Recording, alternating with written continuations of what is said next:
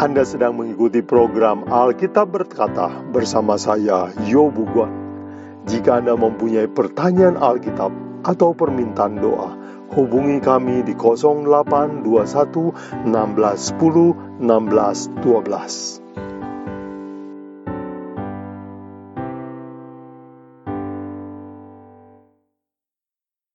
Bapak Ibu Saudara sekalian, selamat bergabung kembali dalam pelajaran Alkitab berkata.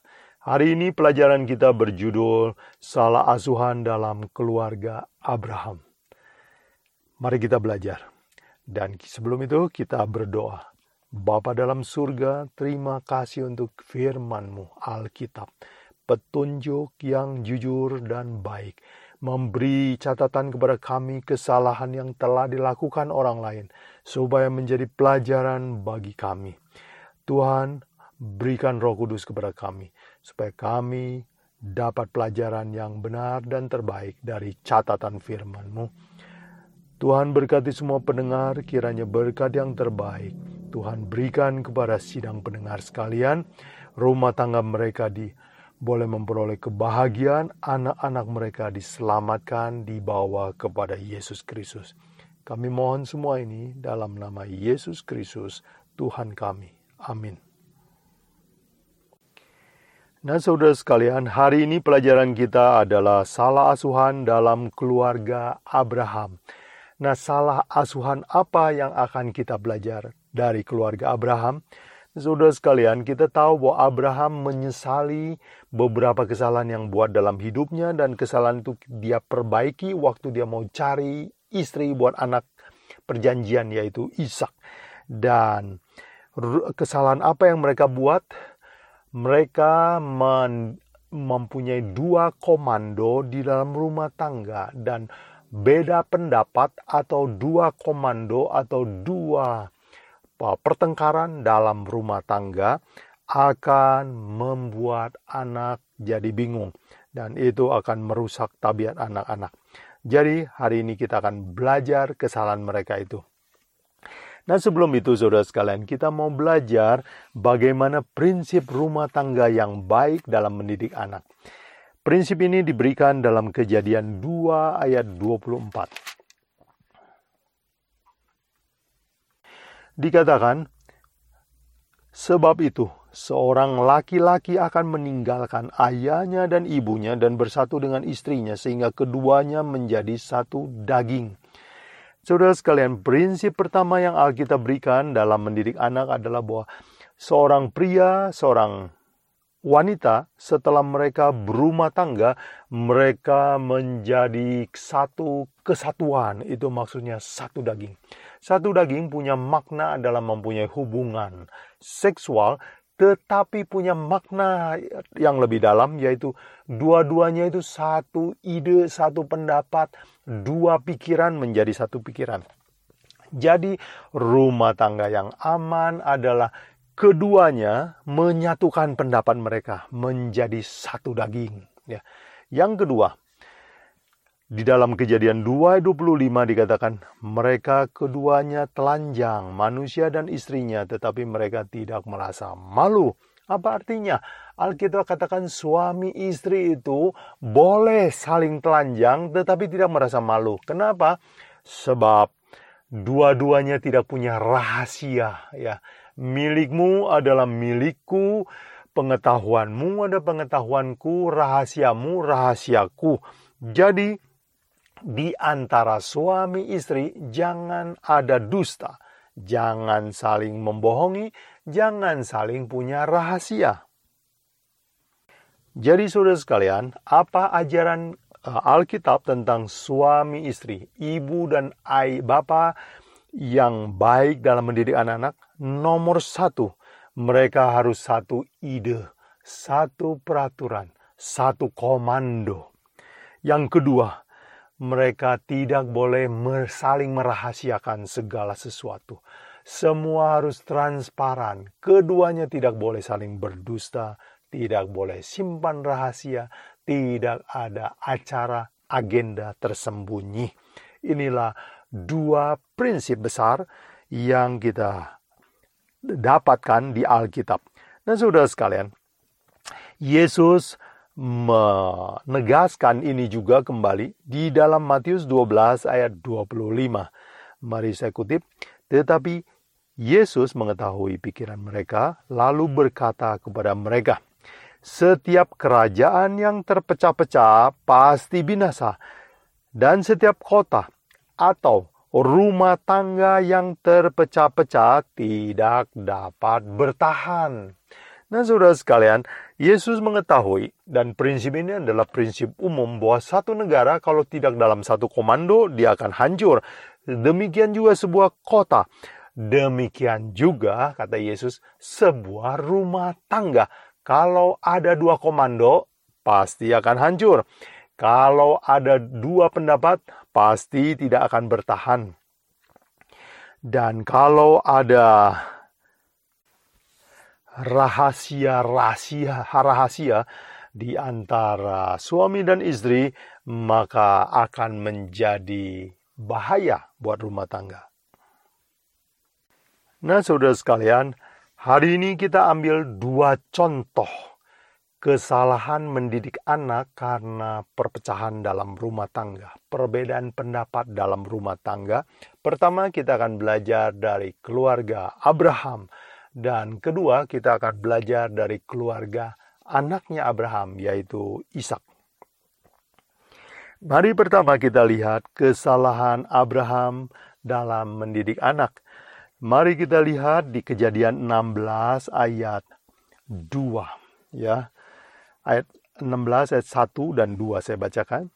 Adapun Sarai, istri Abraham itu tidak beranak. Ia mempunyai seorang hamba perempuan, seorang Mesir. Hagar namanya. Ayat 2, berkatalah Sarai kepada Abraham, engkau tahu Tuhan tidak memberi aku melahirkan anak. Karena itu, baiklah hampiri hambaku itu. Mungkin oleh dialah aku dapat memperoleh seorang anak. Dan Abraham mendengarkan perkataan Sarai. Saudara sekalian, Sarai adalah contoh orang yang suka dengan pekerjaan Tuhan tetapi pakai ide sendiri. Jadi dia mencampurkan antara janji Tuhan dengan pendapat dia dan ide ini akhirnya diterima oleh Abraham lalu Abraham menghampiri Hagar lalu hamil mengandung lalu setelah istri muda ini mengandung mulailah terjadi keributan dalam rumah tangga di mana yang hamil ini menghina nyonyanya, nyonyanya menjadi tersinggung, lalu mereka mulai bertengkar. Kemudian Alkitab mencatat bahwa Sarai mengadu kepada Abraham. Saudara bisa bayangkan? Suasana rumah tangga Abraham kacau balau, bertengkar, banyak keributan. Lalu akhirnya Abraham menyerah, dia bilang, ah, sudah kalau begitu perlakukan apa saja yang kamu anggap baik. Jadi Sarai diberi kuasa dan Sarai akhirnya mengusir, menindas. Dia menindas Hagar, lalu Hagar melarikan diri. Waktu dia lari ke padang gurun itulah malaikat muncul bertemu dengan Hagar. Dan malaikat menasihati Hagar supaya jangan lari. Pulang ke nyonyamu Aku akan memberkati anak yang dalam kandunganmu dan keturunannya akan banyak. Saya akan kasih berkat juga. Akhirnya Hagar pulang kembali ke nyonyanya. Tetapi Tuhan memberikan sebuah nubuatan, sebuah ramalan tentang bagaimana karakter anak yang dikandung oleh Hagar. Mari kita baca Kejadian 16 ayat 11 dan 12. Selanjutnya kata malaikat Tuhan itu kepadanya, Engkau mengandung dan akan melahirkan seorang anak laki-laki dan akan menamainya Ismail. Sebab Tuhan telah mendengar tentang penindasan atasmu itu. Ayat 12. Seorang laki-laki yang lakunya seperti keledai liar. Demikianlah nanti anak itu Tangannya akan melawan tiap-tiap orang, dan tangan tiap-tiap orang akan melawan dia. dan di tempat kediaman ia akan di tempat kediamannya ia akan menentang semua saudaranya. Sudah sekalian, Alkitab mengatakan meramalkan bahwa Ismail yang akan lahir ini akan diberkati Tuhan dengan keturunan menjadi keturunan yang besar.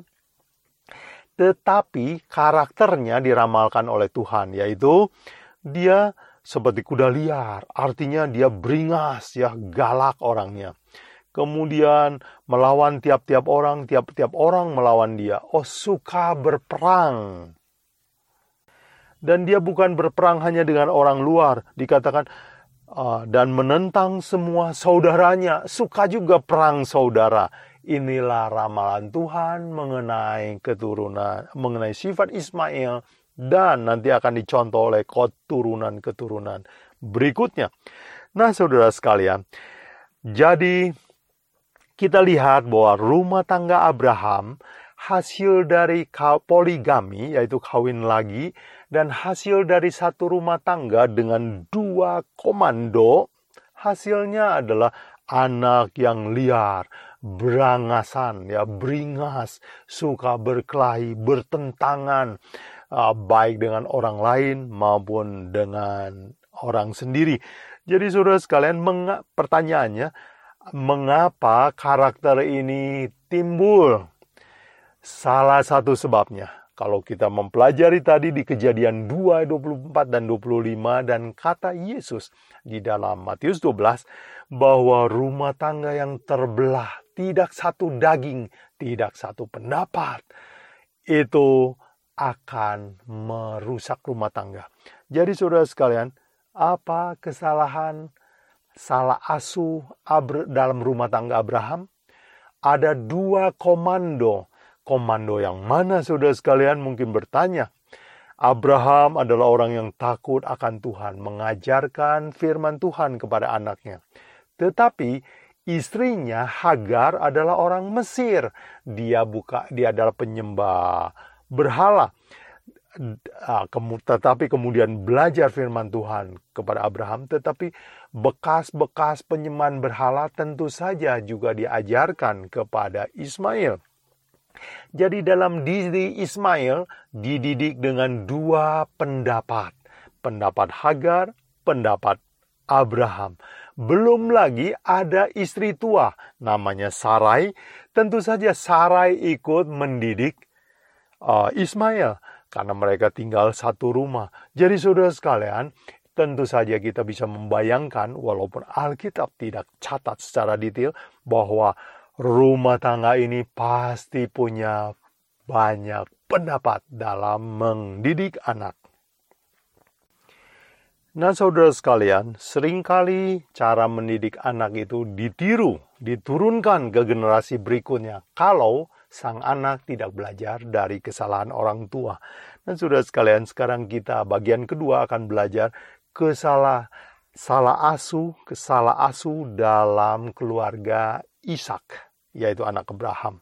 Mari kita baca kisahnya.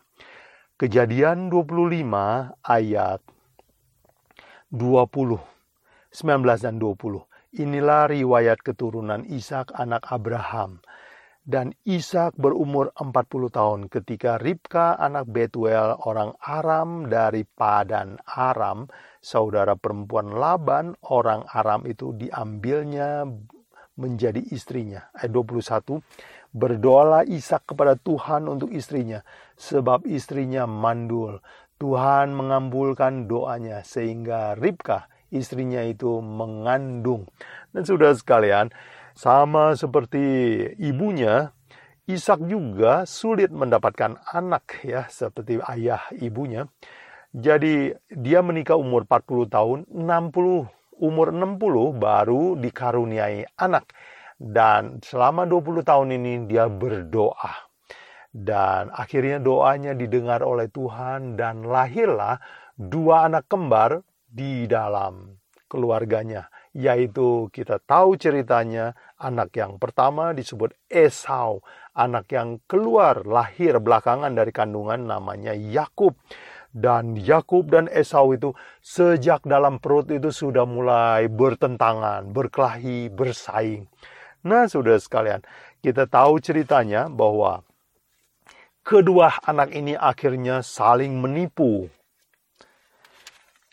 Yang sulung menjual hak sulungannya kepada adiknya, dan waktu ayahnya mau mengangkat atau mengurapi atau memberkati hak anak Esau sebagai anak sulung, Yakub datang menipu ayahnya.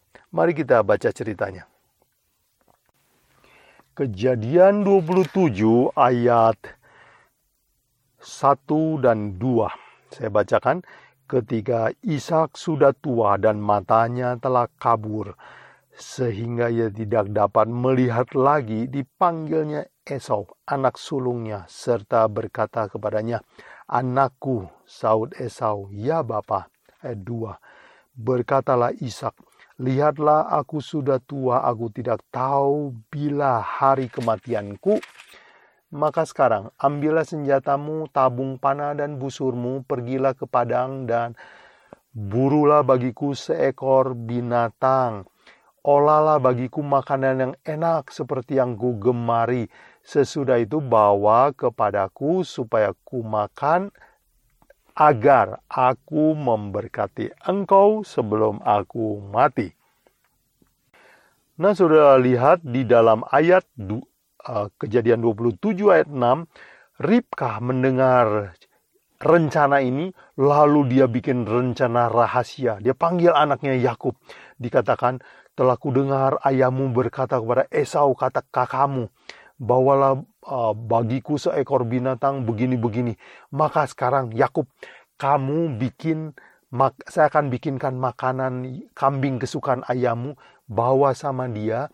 Kamu pakai baju Esau, lalu uh, tanganmu kamu tempel bulu-bulu sedikit seperti tangan Esau, supaya kamu diberkati jadi anak sulung. Nah, saudara sekalian, akhirnya Yakub atas petunjuk persekongkolan dengan ibunya, persekongkolan dengan ibunya, berhasil menipu ayahnya Esau untuk memberkati dia. Nah, saudara sekalian perlu tahu bahwa memberkati itu tidak ada mujizat yang terjadi, tetapi itu adalah sebuah upacara, pengesahan ya, penobatan menjadi anak sulung. Dan anak sulung adalah seorang yang jadi imam dalam keluarga akan meneruskan mengajarkan firman Tuhan kepada keluarga. Dan warisannya biasanya anak sulung dapat lebih besar daripada anak yang lain. Itu sebabnya mereka memperebutkan hal ini. Lalu kita baca dalam catatan ayat berikutnya apa hasil dari tipu menipu ini dalam rumah tangga. Esau dendam kepada Yakub dan karena dia marah dan ingin membunuh Yakub, mamanya yaitu Ribka menyuruh Yakub kabur dari rumah pergi ke rumah Laban pamannya di tempat yang jauh. Dan saudara tahu dari cerita ini, Yakub akhirnya tidak pernah lagi pulang ke rumah, tidak bertemu dengan ibu dan bapaknya lagi sampai mereka menutup mata. Saudara sekalian, ini adalah tragedi rumah tangga Ishak. Memang kita tahu bahwa orang bisa bertobat dan kita baca bahwa Yakub bertobat dan Tuhan tetap memberkati Yakub. Tetapi di dalam rumah tangga Ishak telah terjadi kesalahan didik, salah asuhan. Dan sekarang kita mau ambil beberapa pelajaran apa saja kesalahan yang terjadi dalam rumah tangga Ishak. Kesalahan yang pertama adalah pilih kasih. Kejadian 25 ayat 27 dan 28. Saya kutip, lalu bertambahlah ke, besarlah kedua anak itu. Esau menjadi seorang yang pandai berburu, seorang yang ting, suka tinggal di padang. Tetapi Yakub adalah seorang yang tenang, yang suka tinggal di rumah. Perhatikan ayat 28. Ishak sayang kepada Esau sebab ia suka makan daging buruan. tetapi Ribka kasih kepada Yakub. Alkitab mengatakan mencatat bahwa sang bapa sayang anak sulung, sang ibu lebih sayang anak bungsu. Saudara bisa bayangkan rumah tangga ini? Mereka saling memihak satu dengan yang lain. Bapak Ibu Saudara sekalian, kesalahan pertama dari rumah tangga ini dalam salah asuhan adalah pilih kasih. Nah saudara sekalian, pilih kasih adalah sikap yang buruk dari orang tua Orang tua harus adil kepada anak-anaknya. Tidak boleh pilih kasih. Ya, tidak boleh memihak dengan tidak adil.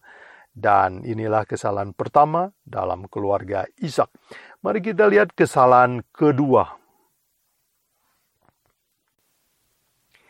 Kesalahan kedua adalah saling simpan rahasia dan berbohong bahkan. Kejadian 27 ayat 1 sampai 4 dicatat tentang rencana Ishak untuk memberkati atau menobatkan mensahkan Esau sebagai anak sulung. Tetapi ketahuan kedengaran oleh istrinya. Eh, kenapa kita perlu tahu juga kenapa diam-diam Ishak mengadakan upacara ini? Sebab dia tahu istrinya lebih sayang sama Yakub.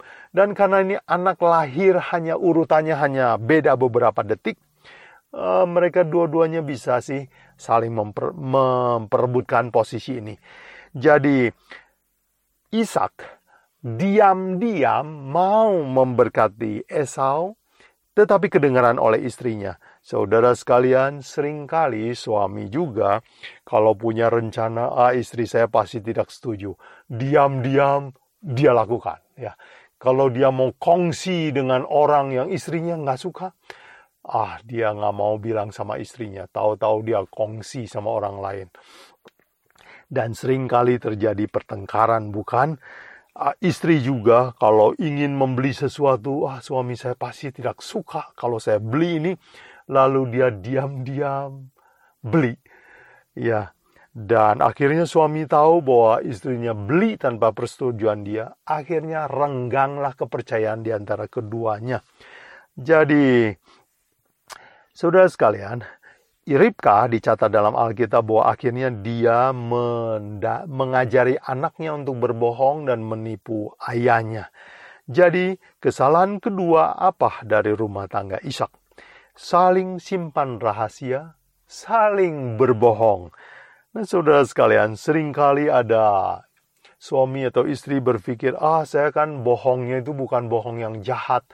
Tetapi saudara sekalian, kalau saudara ingin mempunyai rumah tangga yang benar-benar bahagia, pertimbangkanlah kejadian 2 ayat 25 yang memberi nasihat. Keduanya telanjang tetap tidak malu. Di antara suami istri jangan ada rahasia. Nah, saudara sekalian, apa hasil dari rumah tangga, cara didik yang seperti ini? Kita tahu Alkitab mencatat banyak beberapa hasil. Satu, hasil yang pertama adalah keributan dalam rumah tangga. Ya, Kejadian 27 ayat 41 dikatakan Esau menaruh dendam kepada Yakub. Kakak benci kepada adik. Hasil yang kedua, hubungan menjadi renggang, bermusuhan rumah tangga kacau balau, mereka terpisah-pisah. Apa hasil yang ketiga? Kerusakan karakter anak. Inilah yang paling parah. Esau, bagaimana karakternya? Kejadian 25 ayat 34, Alkitab mencatat bahwa dikatakan, dengan demikian Esau memandang rendah hak kesulungan. Apa artinya saudara sekalian? Hak kesulungan adalah hak menjadi imam dalam rumah tangga. Selain mewarisi kekayaan ayahnya lebih banyak, mewarisi firman Tuhan. Jadi menjadi pemimpin rohani. Jadi Esau dididik dalam rumah tangga yang uh, kacau dengan dua komando ini, jadi tidak suka kerohanian. Kemudian dia adalah pemberontak suka mencari istri ikuti hawa nafsunya ya di dalam kejadian 26 ayat 34 dan 35 Ketika Esau berumur 40 tahun, ia mengambil Yudit anak Beri orang Het dan Basmat anak Elon orang Het menjadi istrinya. Kedua perempuan ini menimbulkan kepedihan hati bagi Ishak dan Ribka. Jadi dia kawin dengan orang yang ayah ibunya tidak suka, yaitu orang-orang Kanaan dan dia kawin mengikuti hawa nafsunya sendiri. Jadi dia tidak belajar mengendalikan diri. Jadi anak sulung menjadi seorang yang pengumbar nafsu, anak yang bungsu menjadi penipu. Saudara sekalian, rumah tangga mereka hancur lebur dan mereka terpisah jauh. Puji Tuhan bahwa ada kesempatan bertobat. Baik saudara sekalian, hari ini kita telah belajar pelajaran penting, yaitu Alkitab memberikan dua nasihat untuk mendidik anak yang baik. Nomor satu, ayah dan ibu harus satu pendapat. Yang kedua, ayah dan ibu tidak boleh saling merahasiakan segala sesuatu. Kalau ini tidak dilakukan, hasilnya akan merusak anak-anak kita. Kita telah belajar kesalahan ini telah dilakukan dalam keluarga Abraham dan dilakukan oleh anak Abraham yaitu Ishak. Dan hasilnya adalah anak-anak yang rusak, tidak bisa mengendalikan diri, dan tidak hormat hal-hal kerohanian. Nah, saudara sekalian, sebagai penutup, apa aplikasi yang kita bisa ambil dari pelajaran dua rumah tangga ini? Yaitu nomor satu, jika bapak dan ibu berbeda pendapat, janganlah bertengkar di depan anak. Selesaikanlah perbedaan pendapat itu di belakang layar, di luar anak. Janganlah ibu bapak suka saling menyalahkan atau mengecam di depan anak-anak atau di depan orang lain, karena itu akan menunjukkan bahwa rumah tangga kita terpecah-pecah. Bukan ibu bapak tidak boleh berpendapat, boleh kalau beda pendapat selesaikan di belakang layar. Baik cara mendidik anak, membuat peraturan, cara menghukum anak, mau sekolahkan di mana, memberi kata setuju atau tidak, semua perbedaan pendapat selesaikan di belakang anak.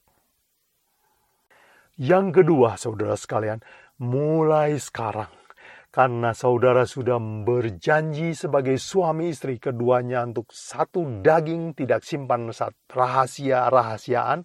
Mulai sekarang saudara sekalian, mari kita belajar terbuka kepada pasangan kita.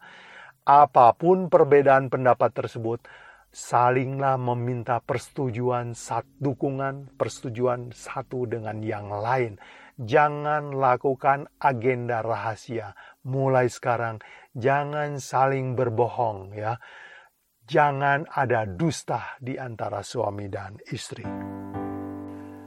Saudara sekalian, pelajaran kita telah selesai. Semoga dua prinsip ini membawa rumah tangga saudara lebih bahagia dan anak-anak yang Tuhan titipkan boleh kita didik dan kita bawa persembahkan kepada Tuhan, Juru Selamat kita. Tuhan memberkati saudara sekalian.